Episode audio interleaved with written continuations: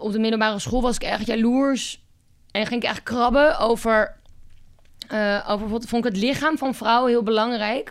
Dat was toen de hele tijd van, oh, die heeft zo'n mooi lichaam. Of als bijvoorbeeld dan mijn, mijn ex-vriendje een nieuwe vriendin of een nieuwe schaal kreeg. Het Eer, bij een van de eerste dingen die ik zei was van... Maar ze, ze is niet mooier dan ik, toch? Terwijl, Wow, zo- ja. terwijl ik vind dat nu echt niet belangrijk. Staan we aan? Sta ik ooit uit? Mooi. In een wereld waarin we alles uit ons leven lijken te moeten halen, proberen twee twijfelaars zichzelf staande te houden en zoeken ze uit hoe je hier in hemelsnaam mee dealt. Dit is FOMOFIEL, de podcast die je niet wil missen. Disclaimer. Fear of missing out is een luxe probleem van mensen die het over het algemeen vrij goed voor elkaar hebben. Alle uitingen in deze podcast kunnen worden gerelativeerd. Hallo, Hallo! vanuit Vondel CS weer, vertrouwde studio, met een nieuwe aflevering van FOMOFIEL, de podcast. We gaan het hebben over een mega interessant thema, namelijk jaloezie. Ja. En dan voornamelijk jaloezie onder vrouwen. Ik denk dat heel veel mensen daar wel een klein beetje van herkennen. En als je dat niet herkent, fantastisch. Dat lijkt me geweldig. ja, en het ligt ook best wel dicht bij de fear of missing out. De angst om dingen te missen als iemand anders wel iets heeft Ja. of doet wat jij graag wil hebben. Ja, dat wil je dan toch niet missen. Eh, ja, ik, ik merk dat ik wel eens jaloers ben, maar dat ik dat toch vaak een beetje ongemakkelijk vind om over te praten. Iemand die dat taboe doorbreekt is onze gast van vandaag. Ehm, zij is eh, journalist, schrijft voor Vice, Grazia, Viva, activist, feminist, vriendinnetje van Sebas. Maar bovenal Oh. Milou Delen. Leuk dat je er bent, Milou. Oh. Heel leuk, dankjewel voor de uitnodiging. Ja, ja, we hebben jouw boek Krabben gelezen. Die heb je samen met Daan Borrel geschreven. Heeft de hele week op mijn nachtkastje gelegen. Iedere avond las ik er een stukje uit. En dan moest ik hem ook weer even dichtklappen.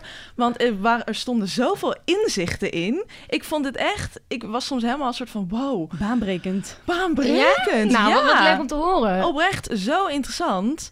Ehm, maar voor de luisteraar, het boek heet Krabben. Van waar die naam, zou je dat even kunnen Ja, uitleggen? nou, wat leuk om te horen over die inzichten. Eh, ja, krabben komt, is afgeleid van het krabbenmand-effect. En dat betekent als er één krab in een mand zit, dan kan die er makkelijk uit. Maar zitten er meerdere krabben in een mand en er wil er eentje uit, dan krabben die andere haar omlaag. En dat is een metafoor voor wat, wat, wat vrouwen ook bij elkaar doen. Ja. Ja. Dus daar, daarvoor staat het voor, eigenlijk. En je hebt het boek geschreven, best wel een specifiek onderwerp. Ja, Jaloezie onder vrouwen. Ja. Eh, en waarom ben je hiermee begonnen? Nou, het was eigenlijk dat. Het is wel eigenlijk een leuk verhaal. Eh even kijken hoe ik dit kort kan vertellen. Nou, eh, Daan. Ja, dat, is- dat moet je wel onderbreken hoor. Ehm, dat eh, Daan werd benaderd, of we werden eigenlijk benaderd door de uitgeverij, Nijgen van Ditmar, of we samen een boek wilden schrijven. En tijdens dat gesprek, ik had Daan wel eens ontmoet. We hadden samen wel, we werkten al een beetje samen, waren een beginnende vriendschap was het eigenlijk. En Daan vertelde later dat ze tijdens dat gesprek met onze wellicht toekomstige redacteur eh, zat te praten van ja, waar, waarover kunnen we nou een boek schrijven? Ehm, ja, ja, ja. En vervolgens ging Daan en mij in dat gesprek best wel veroordelen. Dat, Oh. Ja, heeft ze mij later verteld. Of ja, van, Uh-huh. ze, ze vroeg zich af of hoe ik me presenteerde op bijvoorbeeld sociale media, waar ik soms redelijk naakte foto's zet, of dat ik dan dansend eh, in mijn blote borsten sta te dansen. Dat ze dat. Ze wist niet echt of ik dat voor mezelf deed, maar eerder deed om aandacht te trekken, om tegen draads of sexy te zijn. En toen dacht ze daarna: dit is het onderwerp. Want waarom zit ik hier nu Milou vervolgens? Ja, Het, ja, het, Maar, redelijk eh, te veroordelen. Uitte zij dat ook? Of was, merkte ze dat dus dat, dat intern Ja, gebeurde? ja ze, ze, ze liep dat gesprek uit. En eh, we hadden een half jaar daarvoor hadden we elkaar eh, ontmoet. Omdat we samen in onze blote borsten op de Pride stonden te dansen. En over dat eh, moment ging ze vertellen ook in dat gesprek. En dat ze zichzelf zo ongelukkig had gevoeld. Ja. En mij dus ook veroordeelde over of ik dus de- eh, wel echt voor mezelf deed. Of dus om eh, aandacht te trekken. En toen heeft ze mij een brief geschreven en over dit, ja, over dit geschreven van... ja, ik, ik, ik veroordeel jou en ik merk dat dat, dat een, een fenomeen is. Kunnen we dat niet samen onderzoeken? En die, die brief staat in aangepaste vorm ook in Ja. het boek. En toen dacht ik, ja, dit dat is een mooi onderwerp dat om is het over echt- te hebben. echt een toponderwerp. Grappig dat jullie elkaar hebben ontmoet, omdat jullie stonden te dansen en je blote borst op de Pride. Ja, ja nee, we hadden elkaar die ochtend toevallig, dat is nog sick, we hadden elkaar die ochtend toevallig ontmoet voor een koffie, want ze hadden mij uitgenodigd voor een koffie. En toen kwamen we elkaar in de middag weer tegen op, op dat feestje op de Pride. En toen eh, ging ik dus in mijn blote borst en toen kwam zij erbij. Nou, Ja. heel leuk. En eh, ik dacht meteen, wat een goed onderwerp. Ja. Want ik zie dit heel veel om me heen. Ik ben zelf ook veel gekrapt. Ik heb ook veel, veel gekrapt. Toen dacht ik, dit gaan we onderzoeken. En nu, eh Boek nu is geschreven. Er. Wat goed. ja, ja, heel Ja, leuk. en ik kan me dus heel goed herinneren, een paar jaar geleden ging er dus een video viral van een meisje in een Gronings studentenkoor die, ehm, die een video maakte over slutshaming. Dat was toen heel Nederland rondgegaan en toen las ik jouw boek en toen dacht ik, dat ben jij gewoon. Jij Ja, hebt dit gemaakt. ja, Hoe ging dat precies? ja eh, dat, dat filmpje. Ja, Of- ja. waarom maakte je dat? Nou, dat maakte ik omdat, ehm, omdat ik het er niet mee eens was dat mannen en vrouwen zo anders op hun seksualiteit worden aangekeken. Ik was lid bij Vindicat, studentenkoor in Groningen. En ik merkte gewoon als ik met een jongen naar bed ging, werd ik nou ja, verslet uitgescholden en hij werd gehighfived. Ja. En ik was het daar gewoon, ja, ik vond dat, dat is gewoon puur seksisme. Ik was het daar niet mee eens. En toen heb ik een, dus het, in het kort een, een video gemaakt op Facebook gezet. En mijn statement was, ja, mijn seksualiteit is van mij en niet stof voor andermans grap. En wij vrouwen hebben evenveel recht op seks als mannen, uiteraard. En dat ging viral en eh, daar was heel veel ophef over. ja. Dus, eh, Nou, het ja. is vaak wel zo inderdaad. Als je als vrouw dan heel veel bedpartners hebt, dan ben je de slet. En als man, dan ben je hartstikke cool. Precies. Echt zo raar. Ja, Ja, Daarom is het goed dat we het hierover gaan hebben. inderdaad, zeker. goed, ja. Laten we beginnen met het FOMO-moment van de week. Ja. Nino, wat heb jij gemist? Nou, ik heb net eh, heel, lang gefietst. Of nou, drie kwartier gefietst. En ik heb erover nagedacht, maar ik heb dus geen FOMO. Nou, dat is Ja. goed. Nee, maar dat echt, dat, ik had het net, ik was bij een vriendin logeren en we hadden het er, ik vertelde over deze podcast. Zei ik, ja, ik heb dat gewoon niet. En zei ze, nee, jij hebt dat inderdaad niet. Zij heb kon het bevestigen. Zij kon het bevestigen. Nee, het is niet om iets cool te doen. Nee. Ik heb het gewoon niet. Maar mis, mis je ook geen kleine dingetjes die andere mensen toch hebben? Even prikken. Ja, nou, het is, als je het koppelt naar krabben, maar als ik, als ik de definitie van FOMO, de angst om iets te missen, dus om iets te, wat je meemaakt te missen, dat, eh, zoals, dat is voor mij FOMO. Ik weet, misschien denken jullie er anders over, kan ik beter aan jullie vragen. Dat heb ik niet. Dus bijvoorbeeld dat, eh, dat al mijn vriendinnen volgende week bijvoorbeeld bij wijze van spreken zouden eten naar een feestje en ik ben er niet bij. Nee, vind ik echt nul, nul erg. Nee? Heerlijk. Nee, nul. Nee, maar nul. Heerlijk. Hoe komt dat? Ja, ik heb dat. hm, denk ik al. Ja, ik heb, misschien had ik het vroeger wel hoor, als, als tiener, maar nu. Nou, ja, ik denk dan altijd, dan ben ik op dat moment iets anders aan het doen, wat ik dus blijkbaar liever doe of zo. Ja, Jij bent hartstikke zen. Ja, Ja, ik ben nog zo- een puntje aan zuigen, Ja. kunnen wij. En ik, ik weet nog wel, ik- wat ik ook vanochtend noemde, was dat vroeger gingen vriendinnen, we hebben- hadden zo'n vriendinnengroep op de middelbare school, en die gingen altijd met elkaar op vakantie, maar ik wilde nooit mee. Je wilde nooit mee. Nee, want ik hou niet zo van, van grote groepen mensen. En ja, en dan ging ik dus gewoon niet mee. En ik denk dat ik daardoor een soort van iets heb gecreëerd van dat ik dus... Eigenlijk heb jij de joy of missing out. ja, ja, Dat is ook een ding inderdaad. Heerlijk. ja, dus Maar- ik heb het niet. Ik, heb geen, ik kan wel dingen... Ik bedoel, ik kan wel missen nu dat de HEMA dicht is. Want dat is bijvoorbeeld mijn lievelingswinkel. Of ik kan wel dingen Oh, ik jammer vinden. Ja. Maar de angst om iets te missen, dat heb ik niet. Nee. Maar en jullie? Wat, wat, hebben jullie dat wel? Dus ja, dan zou deze podcast er niet zijn. Ja, zo begonnen we natuurlijk wel, maar eigenlijk ook niet heel veel. Sommige mensen hebben, het, hebben er echt extreem veel last van. Ja. Ik denk dat dat ook wel meevalt, want ik kies er ook heel vaak voor om alleen te zijn en om niet mee te gaan. Maar ja, wij trekken dus met deze podcast de FOMO dus een stuk breder. Dus bijvoorbeeld mijn FOMO-moment. zaten we, een paar weken geleden waren, zaten we met Lienke de Jonge om de tafel. En toen was mijn FOMO-moment dat ik de oliebollen van mijn moeder gemist heb. Want het was oud en nieuw, ik was er niet. Ja, het was echt een grote tekortkoming. Dat wilde ik dus even rechtzetten. Want deze week, we zitten in februari. Deze week was ik bij mijn moeder en toen heeft ze oliebollen ja. gemaakt. Ah, Wauw, Ze had nog een pak liggen. En ze dacht, ja, weet je, ik ga dit niet maken. Jouw Ze had moeder de, is stom. de podcast had ze geluisterd en ze dacht, dit ga ik niet maken. Dus eigenlijk deze week heb ik ook heel weinig gemist. Het is ook wel deze tijd. Je zou denken dat er dus heel veel te missen valt, zoals de HEMA ja. die niet open is. Maar ja. Zoals dat. ja, het is ook wel rustig voor Ik heb mij wel één dingetje gemist. Oké. Misschien herken je het wel, maar ik zit dan thuis in mijn kloffie, trainingsbroek aan, skisokken, grote trui. En als ik dan een keer ergens heen ga, dan zie ik een outfit van iemand en denk oh, jij ziet er wel leuk uit. Ik wil ook gewoon weer even, even een keer een goede outfit aan. Dus ik heb flink eh, alle kleding-apps gedownload Oh. en ik ben nu flink aan het kopen. Dus aan het inslaan. Maar dus je Ik miste... mis kleding. Oh, gewoon leuke kleding. Gewoon even leuk eruit zien. Ja. Hmm. Oh ja, dat snap ik wel. Oh, maar jullie trekken het dus inderdaad heel breed. Ja. Ja. Oh ja, ja, ja, precies. Ja, dat moeten we ook wel doen. Anders zijn we, waren we zo twee afleveringen. ja, ja, precies. Ehm, dan nog eventjes een paar nieuwtjes waar we, ja, die we misschien wel allemaal hebben gemist. Maar die we te leuk zijn om niet te missen. Ik kan God, dit gaat zo vaak Dit verkeerd. gaat zo vaak verkeerd. Mispoes, nieuwtjes die we niet kunnen missen. Mispoes. Een sportief eh, nieuwtje. De winnaressen van de Elfstedentocht zijn namelijk na een kwart eeuw eindelijk gehuldigd. Heb je dat meegekregen, Milou? Nee. Leni, Tineke en Klasina werden in eh, de talkshow M in het zonnetje gezet. Want ja, na 25 jaar kregen ze eindelijk hun verdiende shine. In eh, 85, 1985 konden vrouwen voor het eerst deelnemen aan de Elfstedentocht. Maar eh, daar was dus geen eigen klassement voor opgesteld. Dus in 1986, 97 deden vrouwen mee, maar wonnen ze niks. Er werd gewoon niet naar gekeken. Nou, wat lullig. Wow, Ja. wat sick. Ja. Eh, dus nu, ja, 2021, als er nu ooit nog een tocht komt, dan eh, ja, wordt er voor het eerst. Maar waarom zijn ze dan nu opeens wel gehuldigd? eh, Nou, omdat ze toch terugkeken en dachten, wat gek eigenlijk. En als nu al eens een keer de Ja. tijd, er gebeurt niks. We gaan Ja. even naar eh, 30 jaar terug. Ja, vrouwen leefden nog, dus eh, waarom niet? Dan nog een mispoesnieuwtje van een vrouw die wordt gemist. Het personeel van de Tower of London treurt namelijk om de vermiste ravenkoningin. En dit is Ah. leuk, want er zitten dus al eeuwenlang zitten er raven in die tower in eh, Londen. En op een gegeven moment, ja, heel lang geleden zat er nog maar één in. Toen was Churchill eh, aan de macht en die heeft toen bevolen dat de ravenpopulatie in de tower uit zes raven moet bestaan. Nou, dat werden er uiteindelijk zeven. En volgens de legende zal het fort en het koninkrijk ineens storten als al die vogels daar weg zijn. Verhaal. Sick. Maar goed, nu is dus die koningin weg. Ze heet Merlina. En eh, ze zijn bang dat ze is overleden. En, eh, maar ik vond het dus wel heel mooi, want ze wordt daar echt soort van geëerd. Want ze zeggen ook, Merlina was de onbetwiste heerser van de groep. De koningin der raven. Maar Ze zal worden gemist Huh? Dit is door toch de geen- raven. en bij bijen is dat toch zo, maar je hebt toch geen... eh, Nou, dat deed me wel aan denken. Want jij, hebt- jullie hebben het in je boek over het Queen Bee effect. Ja. Dit klinkt bijna een beetje als... Als een eh, queen bee. ja, ja. ja, nou misschien wel. Ja. ja, want ehm, dat Queen Bee effect, kun je dat eens omschrijven? Ja. ja, dat is het effect dat als een vrouw eenmaal door het glazen plafond is gebroken, Mhm.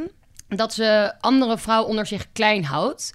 En dit is niet omdat ze dat per se wil, eh, maar omdat ze moet overleven in een, als enige vrouw in een mannenwereld aan de door hen gecreëerde co- code of regels. Dus als ze vrouwen zou aannemen of zou helpen, zou ze haar positie verliezen. Ja. Dus je ziet vaak dat vrouwen die dus aan de, aan de eh, top komen, eh, ehm, vaak een mannelijk, wat als mannelijk gedrag wordt gezien, zich zo gaan gedragen Ja. om zich aan te passen aan de mannenwereld. En om dus te overleven. om te overleven. ja, Ja, ik vond het ook weer zo'n sick inzicht. Ja, ik ook. ja wat leuk. Maar is het echt een ding? En hoeveel is het bij elke vrouw zo aan de top? Of heb je, als je meerdere vrouwen hebt aan de top, is het dan minder? Ja, maar dat gebeurt dus niet zoveel. Eh veel Nee. vrouwen aan de top. Maar ehm, ehm, ja, ja, dit gebeurt zeker veel. Ja, kijk maar eens rond. Ik bedoel, Ja. ik kan, ja, ik weet wel nu, ik kan nu wel wat, nou, die wil ik dan liever niet noemen, maar eh, dan, waarvan ik zie, oh ja, die gaan op ene mannelijk, m- wat als mannelijk gedrag wordt gezien vertonen en die houden andere vrouwen bewust klein. Ja, zeker. Ja, Dat het bijna wordt verwacht of zo. ja. Queen Bee klinkt heel positief. Doe me ook denken aan Beyoncé. Ja. ja. En, maar eh, het is niet zo positief. En maar, maar als je dan denkt, eh, werd Blair Waldorf, Blair Ja. Waldorf, niet ook zo genoemd? Queen Bee? Gossip, Gossip Girl. Oh, eh, ja. Ik heb geen idee wie dit is. Ja, Ja, Huh? Queen Bee. Die Gossip Girl niet? Nee, nou ja, nooit. goed. Nou ja. Dus eh, ja, heel interessant. Ja, Ja, maar zij was inderdaad ook de koningin van andere kleinhouden. ja precies. Ja, oh, Ja, wat ja. grappig. Ehm, we gaan door naar de stellingen. Stellingen 1. eh, krabben is mij met de krablepel ingegoten. Mooi. Wow, grappig. hey. Ja, eh, Milou, wat denk jij? Is, is het iets wat je van nature doet of wordt het je aangeleerd? Aangeleerd. Ja. Dus daar ge- geloof ik, dat vind ik echt heel belangrijk om te benoemen. Dus krabben is niet vrouw eigen, maar het wordt ons aangeleerd. Ehm, en En waarom denk je dat dan? Ja, ik denk dat omdat er voor vrouwen minder ruimte is in de wereld. We leven nog steeds in een ongelijkwaardige maatschappij. Mannen nemen nog steeds vaker bijvoorbeeld een hoge positie in. Eh, en ehm, nou, wat ik een heel goed voorbeeld vind, is ehm, dat als je bijvoorbeeld kijkt naar de, ehm, dat maakt het heel concreet, hoogleraar op de universiteit, dan is een vierde hoogleraar vrouw en drie vierde man.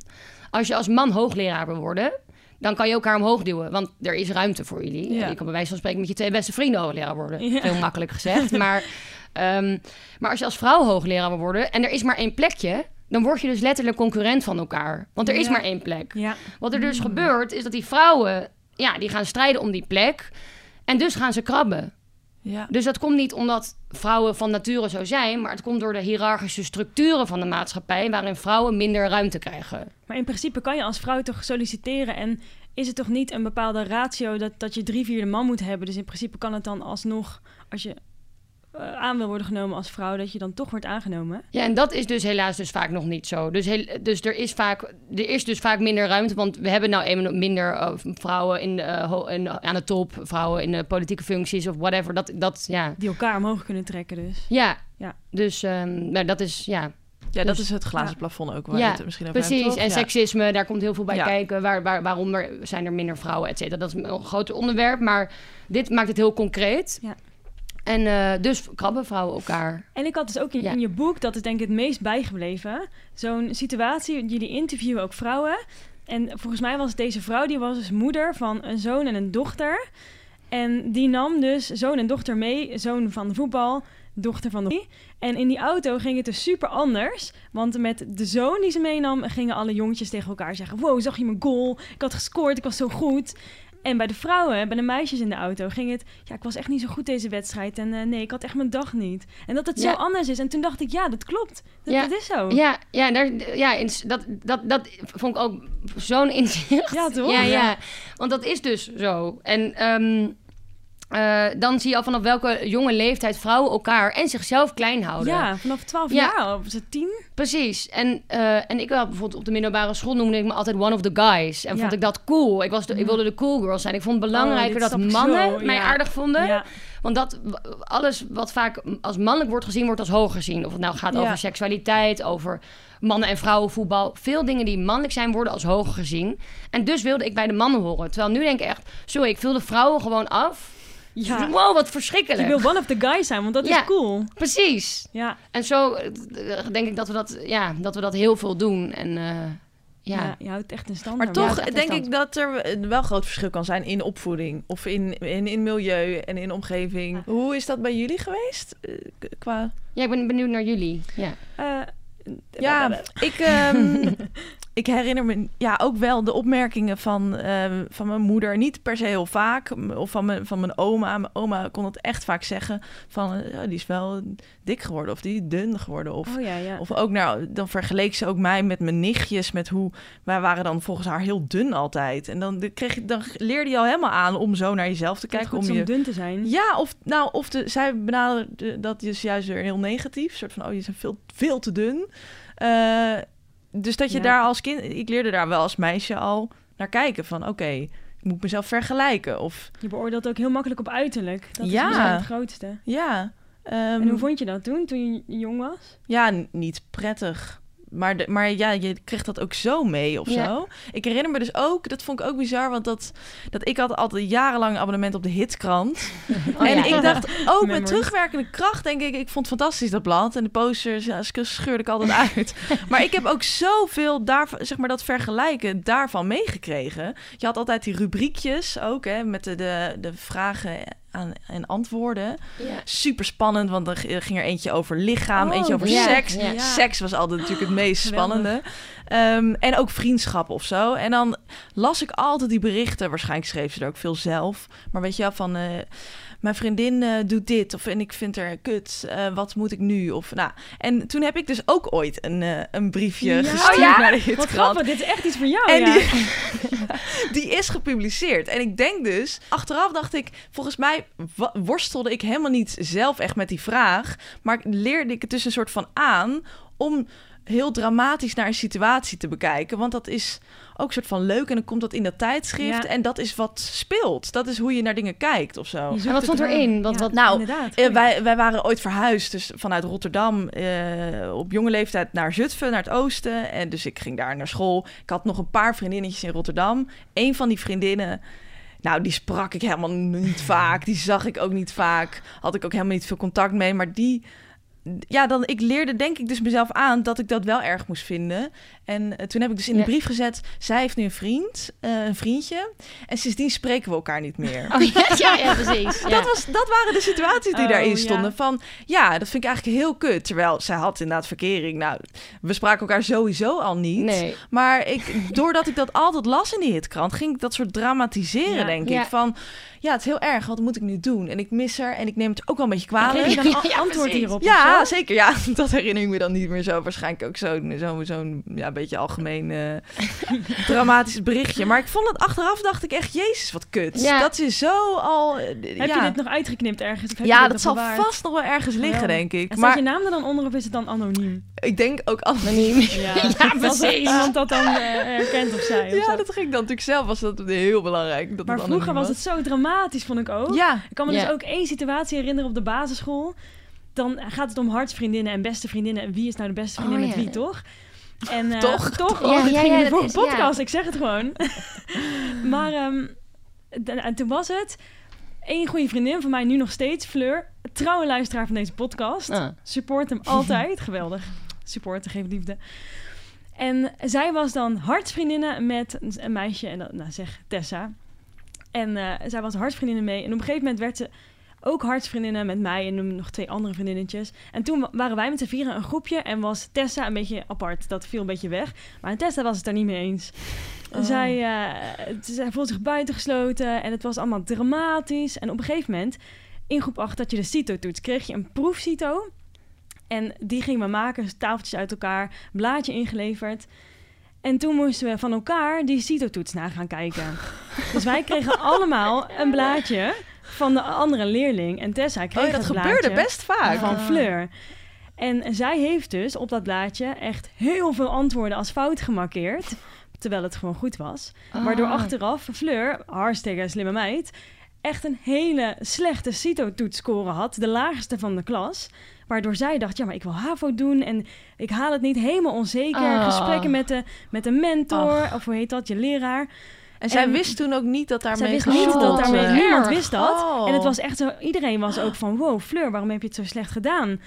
En nou, zijn natuurlijk helemaal, en achteraf, eh, een paar weken daarna, bleek dus dat die Tessa had gesjoemeld met die CITO-toets. Nee, wat erg. Ja, en Zo. nou, die had dus ook nog, die moeder van die Tessa was ook nog eens de lerares op de school. Dus dat is echt een drama geworden. En dat gaat nog steeds rond. Oh, Holy fuck. Maar ja, hè? Wat een verhaal. ja, Wat sick. En is ze gestraft? Ik weet het niet meer. Nee. Ik zou het echt niet meer weten. Nee. Ja, ik denk genoeg mentaal, want het was natuurlijk echt een, een, schande. Ja. ja. ja, deze drama. Ik vind dat dus wel... eh, ja, als ik er over terugdenk, bizar hoeveel je dat als Ja. vrouw meekrijgt, Maar het als wordt meisje. ook verheerlijkt. Want net werd Gossip Girl noemde Mhm. al even. En daarin wordt het ook... Het vrouwen maken elkaar het leven zuur. En het wordt Ja. allemaal dramatisch. Ja. En, en bijvoorbeeld Mean Girls was vroeger mijn lievelingsfilm. Echt een rotfilm. Ja. ja. Zo, Iedereen is zo ja. aardig En dat- daar. precies, ja. en daarom wordt het verheerlijk dat vrouwen elkaar afvallen. En dat gaat vaak over uiterlijk en over seks. Dat is namelijk een hele effectieve manier om een vrouw snel naar beneden te halen. Nou, ik, ik groeide ook op, uh, volgens mij wij allemaal, met dat soort beelden van eh, Mhm. dat, dat, dat, dat, ja, dat het wordt Slecht voorbeeld. letterlijk. Ja, Ja. echt slecht voorbeeld. Ja. Maar ik vind dus mooi, jij zegt dus heel duidelijk... wij krabben niet van nature. Nee, daar geloof ik niet in. Want ik geloof niet... Kijk, mannen krabben eh, natuurlijk ook net als vrouwen. Mannen Mhm. veroordelen. Ik bedoel, daar geloof ik... al- We, we hebben voor dit boek alleen maar vrouwen gesproken. Of eh, mensen die zich meestal zo identificeren. Maar ehm, nee, ik geloof niet dat er van nature kan. Want ik geloof niet dat vrouwen een bepaalde eigenschap wel hebben... en die mannen niet hebben of andersom. Ik geloof daar niet in. Ik geloof dat we ge- zijn gesocialiseerd... en dat vrouwen ja, tot krab worden gemaakt. Dus Ja. dan lijkt het misschien... Ja, ik, en ik, ik, wa- waar, toen ik begon met schrijven van het boek, toen vertelde ik mensen over, ja, ik wil, eh, ja, ik schrijf een boek over waar vrouwen elkaar veroordelen. En het eerste wat de mensen altijd zeiden, meestal, was, ja, ja, vrouwen zijn ook zo jaloers en zulke Ja, bitches. En dan ik dat altijd, is echt het beeld. ja, en toen dacht ik altijd, nee, nee, nee, maar niet dit zeggen, want dit is niet de boodschap van het boek. We willen juist, maar ik vond het toch moeilijk en tegenstrijdig, want om me heen zag ik dat dus ook gebeuren. Ja. Maar ik dacht, ik ga, ik, ga, ik ga er niet aan, ik geloof daar niet in. En uiteindelijk is dus een bevrijding, is dit boek echt een bevrijding voor mijn, ja, ge- geweest om te schrijven, omdat ik nu weet waar het vandaan komt. Ja. Ik bedoel, het is niet een wet- wetenschappelijk onderbouwd boek, maar we hebben wel bijvoorbeeld met wetenschappers gesproken en ik, ons eigen onderzoek, persoonlijke zoektocht, het is dus niet vrouw eigen. En ik vind dat zo'n heerlijk iets om te weten. Daarom vind Ja. ik dat alle vrouwen, en trouwens ook mannen en mensen, dit boek Ja. kunnen lezen. Want ik ben echt leuker over vrouwen gaan denken en daardoor ook leuker over mezelf. Ja. Echt top. Nou, we komen zo, we komen zo Ja. denk ik ook nog even over eh, oplossingsgerichte. Want dat Ja, vind ik ook, dat geeft ook hoop. Van hoe, hoe komen we Ja. hier nou vanaf? Ja. Ja. Ehm, nog even de tweede stelling. Ik ben Ja. snel jaloers. Ja, het is toch denk ik eh, een onderwerp waar je dan niet makkelijk ja op zegt. Het is echt een taboe. Je gaat er niet zomaar zeggen, ik ben mega jaloers, want het is echt, ja, Dat is zo'n onaantrekkelijke eigenschap eigenlijk. Ja. Ik, ik ben dus ook heel benieuwd, Milou, ik zei het ook al voordat jij hier aankwam, of jij wel eens jaloers bent. Nou, Want je, Ja. hebt, je hebt- bent vrij van FOMO. Ja, nee, ik ben dus... Ja, en het is inderdaad iets cools om te zeggen van... Ja, ik ben niet jaloers, maar ik ben volgens mij dus niet echt... Ik heb het gisteren gevraagd echt aan cool. Van... Ja. Vind je mij jaloers? En zo, nee. En ik, voel, ik heb het ook wel nog aan vriendinnen. Nee, nee, ik- nee, ik ben niet snel jaloers. Nee, maar... ehm, Maar goed dat je dit even aan, bij anderen hebt gecheckt. ja, ja, want ik dacht ook, want dit is een eigenschap die ik zelf heel vervelend vind, jaloezie. En ik bedoel, ik ken het gevoel natuurlijk donders goed. Ik denk iedereen, of het nou gaat of je partner met een ander staat te flirten of een vriendin die iets leukers doet dan jij of whatever. Maar eh, nee, maar ik heb dus wel ehm, vroeger veel gekrapt en ik denk dat dat ook te maken had met jaloezie. Mm. Ja. Maar nu, ik denk, nee, ik bedoel, nee, ik denk dat ik niet snel jaloers ben. Maar dat komt ook omdat ik, ja, ik ben zo, ik bedoel, ik ben echt heel zelfverzekerd en ik ben nu heel gelukkig en blij met hoe alles gaat. Ja. Dus dat is ook een, eh, Minder reden om te krabben en ja, eh, dat is wel, precies. Als, je, als ik nu, eh de hele tijd allemaal mensen zou zien die eh, allemaal dingen zouden doen die ik zelf zou willen, wat natuurlijk ook nog wel voorkomt, en ik zou zelf heel ongelukkig zijn met wat ik doe, zou het, is het, dan is het natuurlijk, Ja, dan is, kan- zou jaloezie eerder voorkomen, maar dat heb ik dus niet echt. Nou, dat merkte ik ook wel toen ik hierover na ging denken. Dat eigenlijk eh, alles te koppelen is aan je eigen zelfbeeld en, en zelfverzekerdheid. Op het moment dat ik lekker in mijn vel zit, nu eh, zit ik best wel goed in mijn vel, heb ik dat helemaal niet. Nee. Terwijl als het ook maar een beetje, eh, als die basis niet zo goed is, ja. kan ik echt, kan ik dit wel, kan ik wel jaloers zijn. Ja, Ja, ik had het ook wel inderdaad. En dat is ook wel echt te koppelen aan eh, dat je minder lekker in je vel zit. Want het moment dat ik een keer jaloers was, het was... Nou, dat ben ik natuurlijk ook wel echt wel vaker dan dat. Maar wat ik me het meest kan herinneren is... Ik studeerde in Nijmegen. Dat deed dat ik drie jaar een hele leuke vriendinnengroep met z'n zevenen. En op een gegeven moment had ik zoiets van... Ik wil de wijde wereld in en ik wil in Amsterdam wonen. En dat wilde ik gewoon Ja. graag. Dat was een bucketlistje. Dus ik ben toen alleen naar Amsterdam gegaan. En ik kende daar niemand. Of één iemand. En ik moest dat helemaal opnieuw gaan opbouwen. Terwijl mijn hele vriendengroep nog in Nijmegen zat. En ik was gewoon best wel bang dat zij met z'n allen heel nog hechter zouden worden. Want je woont echt op vijf minuten loopafstand van elkaar. En Oh, iedereen ja. zag elkaar super vaak. En ik was gewoon best wel bang dat zij eh, een, een groep zouden blijven. En ik daar buiten zou vallen. En ik niks zou meemaken. En ik heb daar wel echt even mee gezeten. En zeker, dus inderdaad denk ik wel. Omdat je in een on- onzekere situatie zit. Ik kende Ja. niemand. Ik had geen vrienden. En dan ga je, heb je heel veel tijd om na te denken wat iemand anders aan het doen is. Ja. En hoe is, dat, eh, hoe, is dat, hoe is dat gelopen? Tussen Ja. Ja, we zijn geen vrienden meer. Nee. Heel erg ruzie. Ja, nee. Nee, Kan. nee, het is Ja. nu helemaal prima. Ik heb me Oh, echt ja. zorgen gemaakt om niks. Uiteindelijk zijn twee vriendinnen ook naar Rotterdam gegaan. En is iedereen een beetje in verschillende plekken Oh, gewoond. ja. En Iedereen is even goede vrienden. Want Oh, het verandert fijn. toch niet je band of zo. Of je klik die je met iemand hebt. Maar en waarschijnlijk ben je daar dus nu meer oké mee, omdat je zelf ook geaard bent en Ja, niet meer ook. zo, Dat denk ik ook, ja. zo onzeker daarin bent. Wat een coole grote stap als je hier niemand kende. Ja, uiteindelijk ken ik nu mensen. Ja, ja, ja, ja, precies. ken jullie. Ja, ja, ja. Jullie twee. Ja, ja. Niet meer jaloers te zijn. maar, maar ja. Nou, ik vind het ook wel interessant, want eh, jaloezie wordt vaak gezien als iets heel negatiefs. Of tenminste, daar hangt wel een negatieve lading omheen. Ik ben, ik veroordeel mezelf ook vaak als ik jaloers ben. Dan denk ik, hè, dit vind ik niet ziek van mezelf. dit vind ik niet fijn. ja. Maar soms kan het ook wel dienen als een soort fijn kompas of zo. Want je soms door jaloers ergens op te zijn, bijvoorbeeld qua carrière of zo, dan kan je wel, kan ik mezelf wel weer eh, herinneren. Oké, dit is dus iets wat ik graag wil. Ja. Ja. Ik denk dat het ook wel iets positiefs kan zijn Ja. op die manier. Want het is ook wel eens toch zo in je relatie... dat als iemand dan totaal niet jaloers is... ik weet niet of je dat... Ik hoor het wel eens van vriendinnen. Als iemand echt nul jaloezie heeft... dat die ander dan denkt van... hoezo ben je niet een beetje jaloers? Ja, je ja. oh, goed? dat, ja. Maar volgens mij is jaloezie wel echt... Ik, ik snap wel je punt, maar volgens mij... ja- Jaloezie staat wel echt... Volgens mij is dat wel echt afgunst. Dus je iemand iets niet gunt. ja, Terwijl je kan natuurlijk wel... Ik heb wel eens ik denk, wow, diegene doet dat cool, dat wil ik ook. Maar Ja. niet dat ik denk, ik gun het haar niet. Zij Nee. mag dit niet doen. ja. Ja, Toch? ik ging dit net dus nog even opzoeken. Wat nou het verschil is tussen jaloezie en afgunst. En af, jaloezie is eigenlijk zelf, werd daar gezegd, puur dat je iets wil hebben wat de ander heeft Ja. of is. En afgunst is echt dat je het iemand niet gunt. En dat je Oh, dus ja. ook iets ervoor zou laten om het diegene te, af te pakken. Oké, Oh ja, oh ja, dat is wel echt een er zelf verschil. niks aan Ja, Ja. Eigenlijk een stuk agressiever nog. Ja, ja. Dus, maar ja, het ligt wel heel nauw verbonden Ja. met elkaar. Want ik denk dat, we, dat mensen bij jaloezie dat, die definitie hebben. Of die had dat ik in ieder geval. ik, ik eigenlijk denk ik ook, ook wel, we moeten eigenlijk het woord jaloezie bevrijden. Laten we dat Van een negatieve wel. connotatie, ja. La- maar dan ja. laten we het afgunst noemen. Want afgunst Ja. is wel het negatieve. Ja, ja. Oké, we is schrappen de podcast. positief. Ja, ja, precies. precies. Hebben jullie, eh, eh, hoe ouder je wordt, hoe, eh, ja, hoe minder je krabt? Oeh. Mm, Is dat iets wat... Nou, ik heb dat boek geschreven, dus ik Mhm. weet niet zo goed of het samenhangt met dat ik dat... Ik denk, ja... Ja, ik weet niet, dat kan ik niet zo goed los van elkaar koppelen. Maar ik denk wel, bijvoorbeeld op de middelbare school was ik echt jaloers. En ging ik echt krabben over... eh, over bijvoorbeeld, vond ik het lichaam van vrouwen heel belangrijk.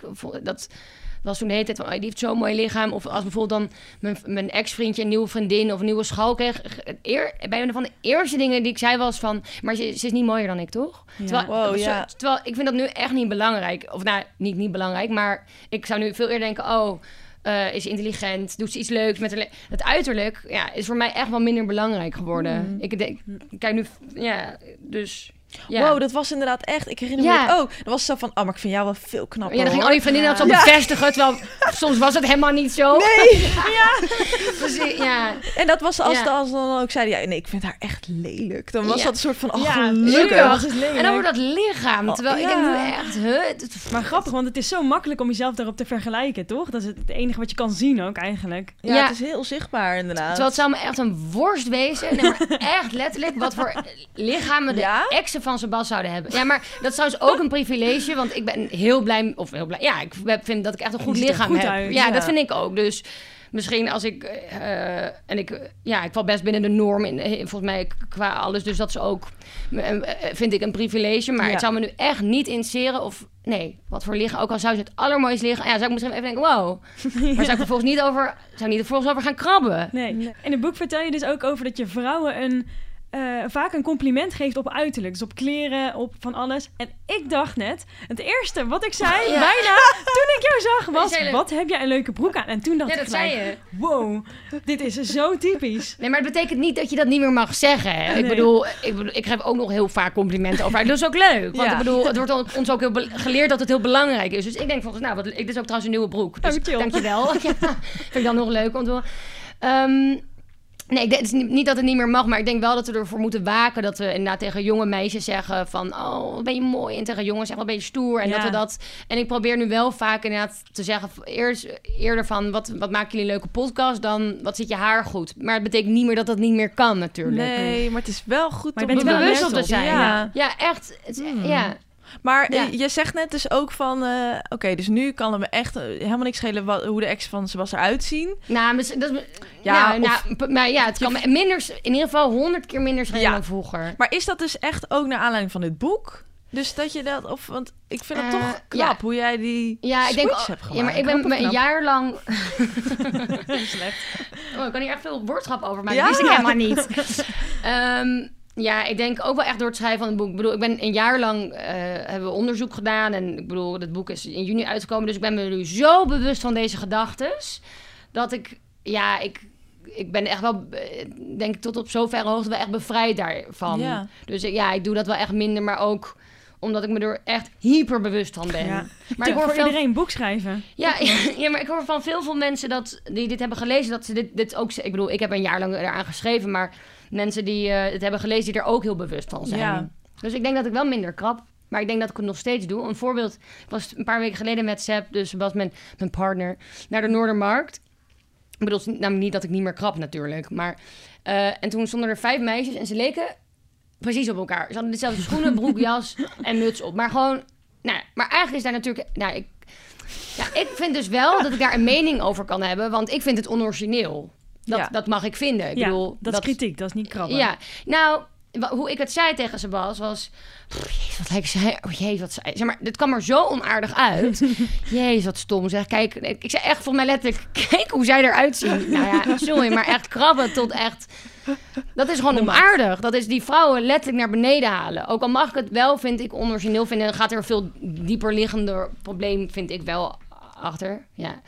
En toen zei hij, "Hoi, wat ben je aan het krabben? Toen zei ik, oh ja. Ja, Oh zei ja. ik, ja, ik ben helemaal aan... Je hebt inderdaad gelijk. Dus het is niet... Ik schiet ook nog wel eens de mist in, vind ik op zo'n moment. Ja, maar ik vind het wel lastig. Het is ook lastig. Ja, want je Ja. mag dat, daar wel iets van vinden. Maar je mag het niet gemeen zeggen, eigenlijk. Ja, Ja, ja. Ik, ik weet nog steeds dus niet... Zelfs na het schrijven van het boek... Wat is nou het verschil tussen krabben, je mening geven, opbouwende kritiek? Dat vind ik nog steeds moeilijk. Ja. Weet je waar ik ook veel over heb gekrapt en nog steeds ligt daar. Ik vind uiterlijk gewoon minder. Eh, in het boek was volgens mij meer dat. eh, Volgens mij zaten de oordelen van Daan ook vaak meer in het uiterlijk. Dat. Ik, mijn oordelen zaten vooral in ehm, bijvoorbeeld dat ik het veroordeelde als. En nog steeds vind ik het wel eens moeilijk als bijvoorbeeld. Ik vind het moeilijk dat vrouwen eh, vaak zodra ze kinderen krijgen bij de kinderen blijven en dat mannen blijven werken. Dus mijn oordeel zat wel vaak ook in moeder, in thuismoeders. Ja. Terwijl, ja, waarom eigenlijk? Kan ook een keuze zijn. Ja, natuurlijk. En ja, wat maakt mij het uit dat eh, iemand dat doet? We- Weet ik niet. Ik zou het zelf nooit doen. Dat, dat is dus wat ik eigenlijk dan... Waar Ja. de oorde, oordeel, Ja. oordeel vandaan komt, denk ik. Want mijn moeder heeft altijd meegegeven... altijd werken, onafhankelijk blijven... nooit financieel afhankelijk van een partner. En bij mij is dat echt... was het allerbelangrijkste ongeveer thuis. Dus ik kan me gewoon niet voorstellen... Maar goed, Dat daar, je ervoor kiest om thuis te zijn. Nee, ja, terwijl tuurlijk kan ik het me wel voorstellen, maar niet. Ja, ik zat, daar zat voor mij heel erg een oordeel in. Dat Ja. ik vaak merk van hoezo, hoezo is maakt, ja, daar zat vaak een oordeel in. Nu minder dus, door het Ja. schrijven weer van het boek. Ja. Ja, maar en grappig, want dus, ja, dan kom je weer een beetje uit waar we het net over hadden. Je mag natuurlijk wel ergens een oordeel over hebben, maar dat actief uitdragen van het oordeel? Of... Nou, er zat iets negatiefs zo in. Dat ik dan echt zei van, hoezo, hoezo is dan, blijft zij meteen thuis met de kinderen? ik Oh, bedoel, ja. in Ja. plaats van, je kan natuurlijk een vraag stellen, waarom is die keuze zo gemaakt? Ja, Ja, ik heb ook Ja. een, een van mijn hele goede vriendinnen. Die heeft ook echt vet goede studie gedaan. Maar haar doel in het leven... Zij moest een keer zo'n formulier invullen voor een of ander eh, interview. En daar stond in, wa- wat wil je bereiken? Dat, dat was letterlijk huismoeder worden, huisvrouw worden. En wat vond je daarvan? Ik vond, ik vond dat gewoon eigenlijk best wel mooi. Ik dacht, Oh, als ja. jij dat wil, Ja. dan moet je dat lekker doen. Ja, Hmm, Ja. mooi. Ja, ik, Ja. Vond, ik vond wel trouwens een beetje... ja, Ah, kijk, kijk, kijk. Ik Ja. dacht wel, waar is de ambitie? Maar Precies.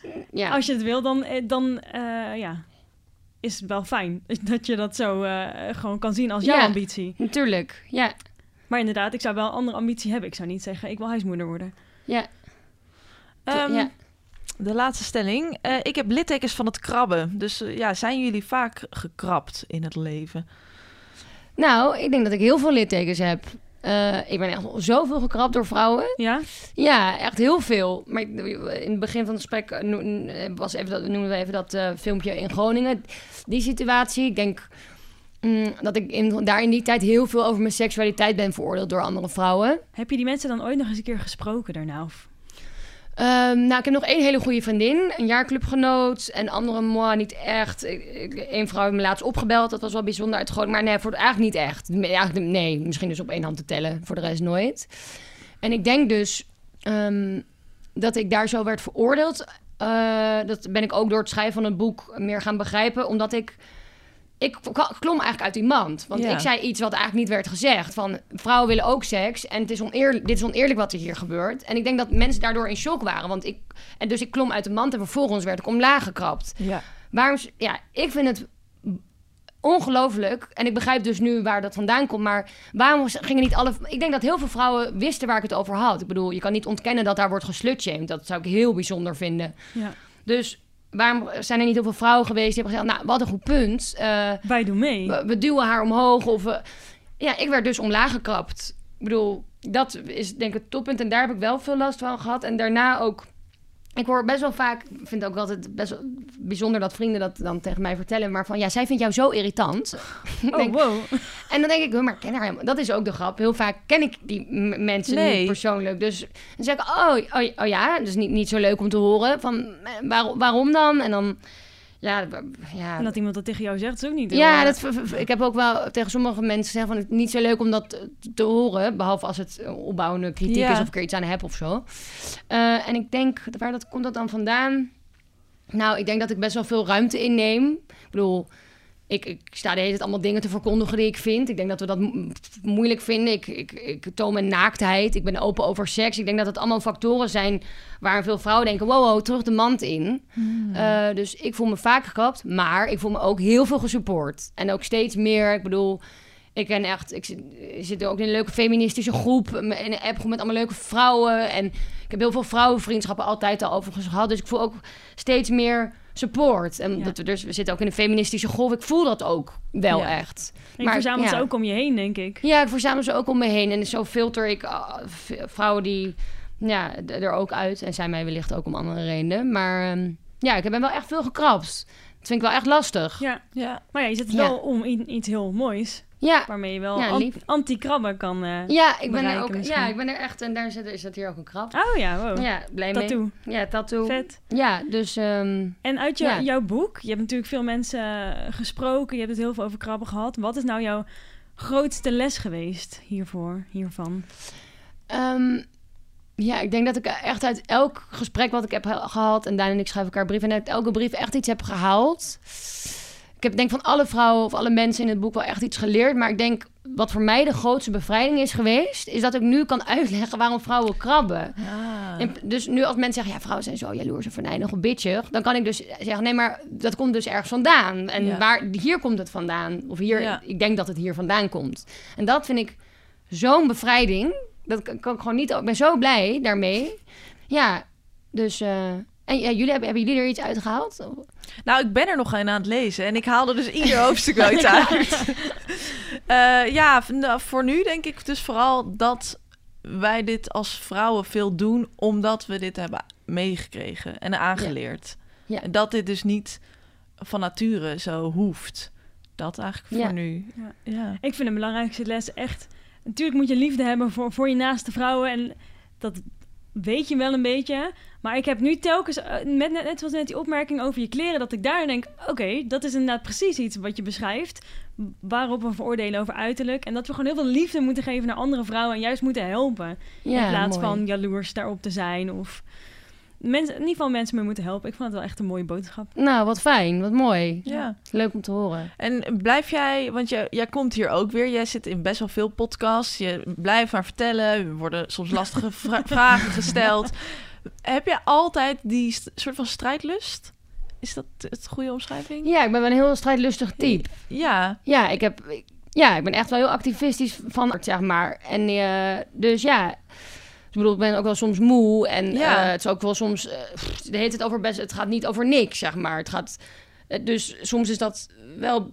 Ja, kan dat wel zwaar zijn. Omdat het hele tijd over best wel grote thema's gaat. Maar nee, ik voel dat echt... Ik vind het ook heel leuk. Dus afgezien dat ik het gevoel heb dat ik iets goeds doe... en dat ik Ja. het gevoel van er moeten dingen veranderen. En ik ben het er niet mee eens. Dus ik ben ook... Ja, het is echt het aard van het beestje. Maar ook... ehm, ik bedoel, het is ook mijn werk. Eh, Ja. Dat is ook even praktisch. Eh, en, ik, en ik vind het leuk. En eh, ik bedoel, het boek schrijven was echt een feest. Ja, en het verandert. Ik bedoel, ik had eerst... eh, ik schrijf nu 3,5 jaar. En eerst ging ik de hele tijd heel veel over dat slutshamen en dat filmpje. En dat is ook heel leuk. Maar ik ben ook blij dat ik bijvoorbeeld hier nu zit... om ook over krabben te vertellen. Ja. Dus ik doe redelijk wel wat dingen. En dat, daar kan ik dus... Ik heb ook steeds iets nieuws te vertellen. ja, ja, dat snap ik wel. Dus dat is wel, nee, ik vind het ongelooflijk leuk. En, eh, en ik zie ook verandering. Kijk, als ik nu al 3,5 jaar op de barricade zou staan en ik heb het gevoel dat het geen ene fuck helpt, nou, dan zat ik waarschijnlijk hier niet zo blij. En dan was ik misschien wel iets anders gaan doen. Waar het zie je dat dan aan? Ehm, nou, bijvoorbeeld door, door wat jullie net vertellen over dat je iets uit het boek hebt gehaald. Ehm, maar bijvoorbeeld on- misschien ook iets co- concreets is. Maar dat is, nou, bijvoorbeeld, ik heb een keer een stuk geschreven. Dit voorbeeld noem ik wel vaker. En, maar daar, ik was het er on- oneens mee dat, ehm, dat vrouwen zo opdraaien voor de anticonceptiekosten. Dus ik, wel, ik slikte eigenlijk al tien jaar de pil. En ik dacht, holy fuck. Er is eigenlijk gewoon nog nooit een man geweest. Ook geen pa- langere partners of een one-night stand. Niemand eigenlijk die daarover is begonnen dat, dat ik daarvoor betaal, dat ik die hormonen slik, gewoon al die dingen. Sorry hoor, maar waarom betalen vrouwen daarvoor? Wat een bullshit. Want vanaf een bepaalde leeftijd zit het niet meer, je- of hangt dan af van je baaspakket of zo. Maar Ja. ik betaalde er al jaren voor. En toen heb ik voor een stuk al mijn mannelijke bedpartners een tikkie gestuurd. Ja, voor onze anticonceptiekosten. Dat is niet raar. Dat, ik bedoel, ik heb Seb laatst ook een tikkie gestuurd voor mijn spiraal, de helft. Niet omdat het Ja. me gaat om die 70 euro, maar om het principe. Ja. Ik moest een dag vrij nemen. Ik had pijn. Ja, het minste wat Ja. een mannelijke partner of bedpartner kan doen, is daaraan meebetalen. En wat een onzin dat Het is ook raar dat het, ik had het hier toevallig ook laatst over, dat het er voor mannen niet is. Nee, dat, is, dat wordt nu al hard aan de weg getimmerd. Maar, nou ja, goed. Maar ja, is bizar. Nou, goed. ehm, want als mannen ongesteld waren geweest, was er, waren er al lang honderdduizend geweldige medicijnen en gezonde hormonen en zo. Als dat kan. Maar, en toen had ik dat stuk geschreven en toen kreeg ik daarna honderden, misschien wel meer dan duizend reacties van mensen die zeiden van nou, vandaag betaal ik mee met de anticonceptie van mijn partner. Oh, of. Wauw. Ja. Oh, oh echt, ook echt van die mensen. Niet Ja. de mensen die zeiden, ik ga dit nu ook declareren. Nee, nee, die niet. Nee, want dat was natuurlijk. Ik bedoel, het waren tikkies van 1,50. Ja. Maar het was meer om een statement te maken Ja, ja. van. Het ging me natuurlijk niet om die 1,50. Nee. Maar om duidelijk te maken dat niet ook... En echt, en maar ook mannen die zeiden... Ik heb hier nog nooit... Vrouwen die zeiden, ik heb er nog nooit over nagedacht. Ja. En ook echt ma- mannen die zeiden... Ik heb, ben er vandaag met mijn vriendin over gaan praten. Nou, dat is wat Ja. geweldig. Ja, wat, en het is gewoon één stuk. Hè. Ik bedoel, dit is niet een levenswerk. Nee. Ik heb hier gewoon één goed stuk over geschreven. En dat kan dus impact hebben. Ja. En dat zijn concreet. En daarna dacht ik, yeah! Ja. En dan heb ik weer, en heb ik weer, want soms krijg ik ook heel veel haat en negativiteit. En, en, maar dan denk ik weer, yes, weer op die barricade. Ja. Waar ga ik nu mijn hart voor maken? ja, ja zo, zo voel ik dat dan. Ja, wat Ja. cool. We zijn klaar, denk ik. Vet leuk. Thanks, Milou. Ja. Dat je er was. Echt super interessant om hier met jou over te praten. Nou, jullie ook heel erg thanks. Dankjewel, heel leuk. Ja, en voor de luisteraar, heb je een iPhone? Dan kan je ons helpen. Want dan kun je in de Apple Podcast app een eh, review achterlaten. Een rating, sterrenrating en een leuk tekstje of een stom tekstje mag ook. Maar Nee. liefde, liefde. Support. Support Ja. erbij schrijven. Dat helpt ons ontzettend om Ja. wat beter gevonden te worden. Dus dat zou heel lief en leuk zijn. Yes. En ehm, lees het boek Krabben. Ja. kan, kan niet anders zeggen. ja. Tot de volgende. Joe! Leuk.